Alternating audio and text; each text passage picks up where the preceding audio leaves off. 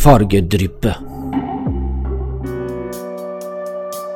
Jeg lukker øynene og oppsummerer deg. Helt fra begynnelsen av begynnelsen til de siste sekundene av natten føler jeg et øyeblikk av ro i stillhet og vekk fra støyen fra de kalde vindene som blåser fra øst og vest.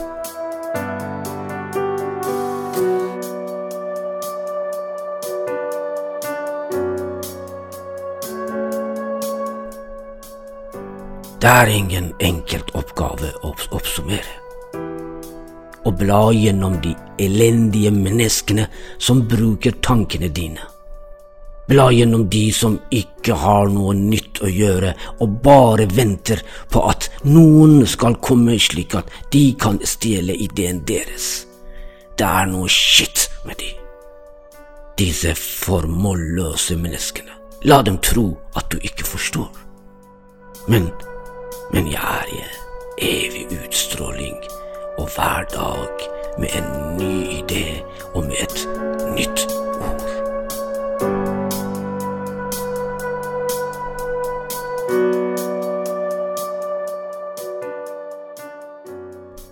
Jeg som har gjort hjernen opptatt med alt som er og ikke er. Så lenge det er tid, så lenge det ikke er seint, så lenge det ikke er i morgen og ikke har knyttet alt til den fjerne fortiden som gjenkjennelige biter. Jeg kaster alle de evige ordene mellom trærne, mellom mine kroppsdeler, mellom kvinnelår i furuskogen for å fortelle sannheten.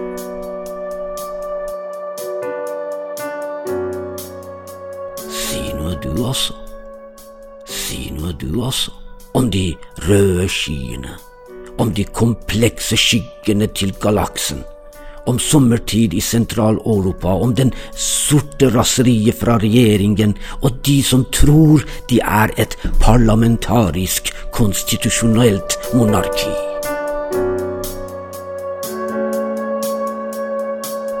Si noe du også om sannheten. Si noe du også, min venn. Nei, nei, nei, nei, jeg vil ikke være ferdig med deg når jeg lukker øynene. Jeg vil ikke gå meg vill i dagene som er gått. Så si noe du også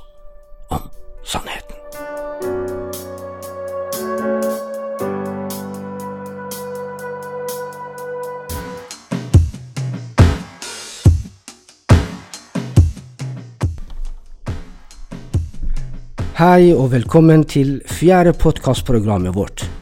Vi befinner oss i atelierplass på Hausmannsgata 6 i femte etasje, og er vitne til at Arnaldo Bernald maler et portrett. Portrett av hvem du holder på å male nå, Arnaldo? Yeah, um, right now I'm painting Tupac Shakur, and I'm really just painting it because I feel like painting it. You know, it's, it di- didn't have anything to do with Black History Month or nothing. I just felt like painting Tupac because I've always said that I wanted to paint Tupac, and it kind of happened to be in Black History Month as well. You know, so it just became even greater meaning. You know. Oh, I'm gonna show this painting in Cafe Theatre in Nordic Black Theatre, Hollander Gata 8 at um, Thursday, 12 o'clock. I need to bring it over because they will be doing some like live interviews as well. So they will be using it for the backdrop, you know, like the Martin Luther King they have in the other other live broadcasts, you know. Ja, du har jo malt eh, portretter som en del av eh, scenografiet til Nordic Black-produksjoner, som Martin Luther King, Maya Angelou Malcolm X as Yeah, well. yeah, yeah, Very proud of those pictures, you know, they open my eye to see what I can really do. Um, you know what I mean? So those are some of my top closest paint artworks, and I'm very happy they are at Nordic Black Theatre, you know. Du er jo opprinnelig fra Jamaica. Jeg vil gjerne høre litt om det landet du kommer fra. Um, wow, it's so funny that you asked that because I've been I've been told to do the same thing. you know, like to say more about me, you know. And uh, I feel like, you know, it's one of the best places to ever get some life experience from is Jamaica, you know. I got a lot of experience growing up there, a lot of culture, you know, a lot of strength and at the same time a lot of disadvantage, you know, with, with like attitude and, you know, how to solve problems and, you know, reasoning ability and how to always choose violence and conflict first. You know what I mean? So I don't know. I think I'm well versed in a lot of things, but at the same time, not with a lot of things. You know, mm. you know, Jamaica. I know it's a very special place to grow up. You know, tiny place, but so much happening there, so much coming out of there. It's a high energetic place. You know, tropical, always summer. Mm. It's it's it's, an, it's a whole other vibe. You know. Mm. Mm. Uh, Når og hvordan fant du deg selv som en maler? Well, you know, after after I painted that van, I was asked to paint this um, sign for a guy who repairs batteries, car batteries. And I painted that sign and I got paid again. And that was like in the same time period. So it was maybe 13, 14 years old. So then I understood like, okay, I did something that uh, older people that me couldn't do, and get and I got money for that. Then I knew as I art belonged to me or belonged to art, you know. And I've had a job after that where I was scrubbing floors at a bakery with like dried flour, and I hated going there. I hated doing it. You know what I mean? After that, I went to work in hotels, and I never really felt like that was for me neither. But I started to paint the hotel's logo and clothes. And then I used to put a lot of time into it than the other people would do it, mm. you know, because we paint like 20 logos on t-shirts so we can give as present to the guest that comes there. And I like to do that more. Mm. So then I still had that love for art. And then I lost that job. And then I had to survive because I was taking care of my family. And I was watching TV, like G Unit with 50 Cent. And all of them were wearing t-shirts with painting skulls on it and i just told myself like yo you could make that t-shirt. And i just told two of my friends one called richie and the other dude called bucks you know devon. I told them bring some t-shirts to me.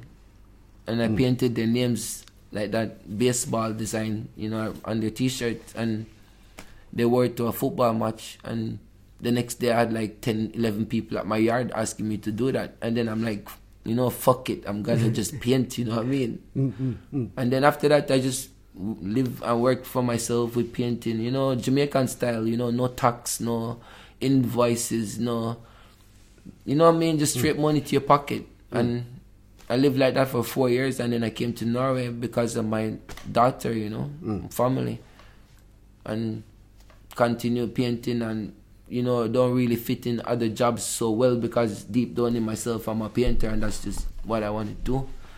You know, art and that's it, you know. I have time for art and after I'm done with art, I'm tired, you know. So. Arnaldo, tilbake her i atelieret og portrettet av Tupac Shakur. Er du inspirert av ham, selv om han er musiker og du er en maler?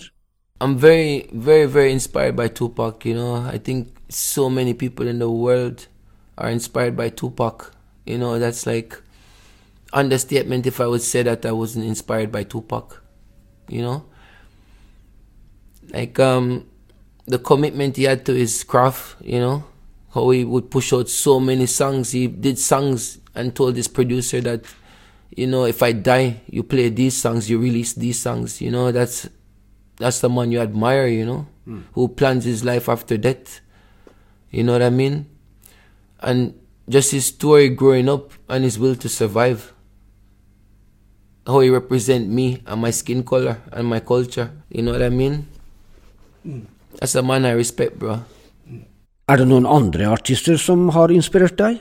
Well, you know, definitely Bob Marley, you know, and the credibility Bob Marley has throughout the world inspired me a lot. As I told you, our country very small, but it's such a power, you know, like this man with help, of course, from the Wailers and, you know I mean, melody makers. You know, Bob Marley really do something special for Jamaica because he's mixed, you know. Mm. And he has the edge of bringing two cultures together. You know what I mean? In peace and love only way. And he got super famous for doing that, and a lot of respect for from generation to generation and to the future to come. So these people inspire me, you know, and of course, like um, visual artists inspire me as well, you know. Picasso inspired me, you know. I, I tried to paint like him when I started to find out art because that's in Norway. I developed that kind of interest in fine art, you know, to put art on canvas. That's the first time I painted canvas was in Norway you know. So I'm inspired by ev- many things, you know, and everything, you know, a little bit of everything. Hvordan ser du på framtida med tanke på kunsten din? Well, I kind of fell in love with my art all over again, and I just want to paint and make a lot of beautiful artwork that I really connect with. And I would love for my artwork to go to the right places and the right people who would appreciate the all the hours that I put into this artwork to make it unique. I see me and my daughter painting in the future and probably exhibiting together, you know, because she's very interested in painting. Her name's Eliana Riley. And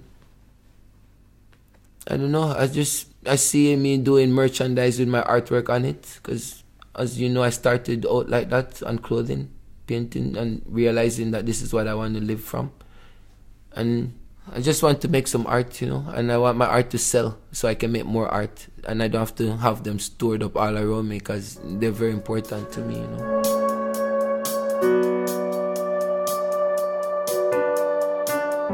Du, Arnaldo Bernard. Du delte en del av dine erfaringer dine med oss i kveld, og jeg er veldig glad at vi kunne snakke med deg mens du jobber med din kunst. Takk og lykke til. Thank you, and Thank you for having me. That's really good vibes. Thank you.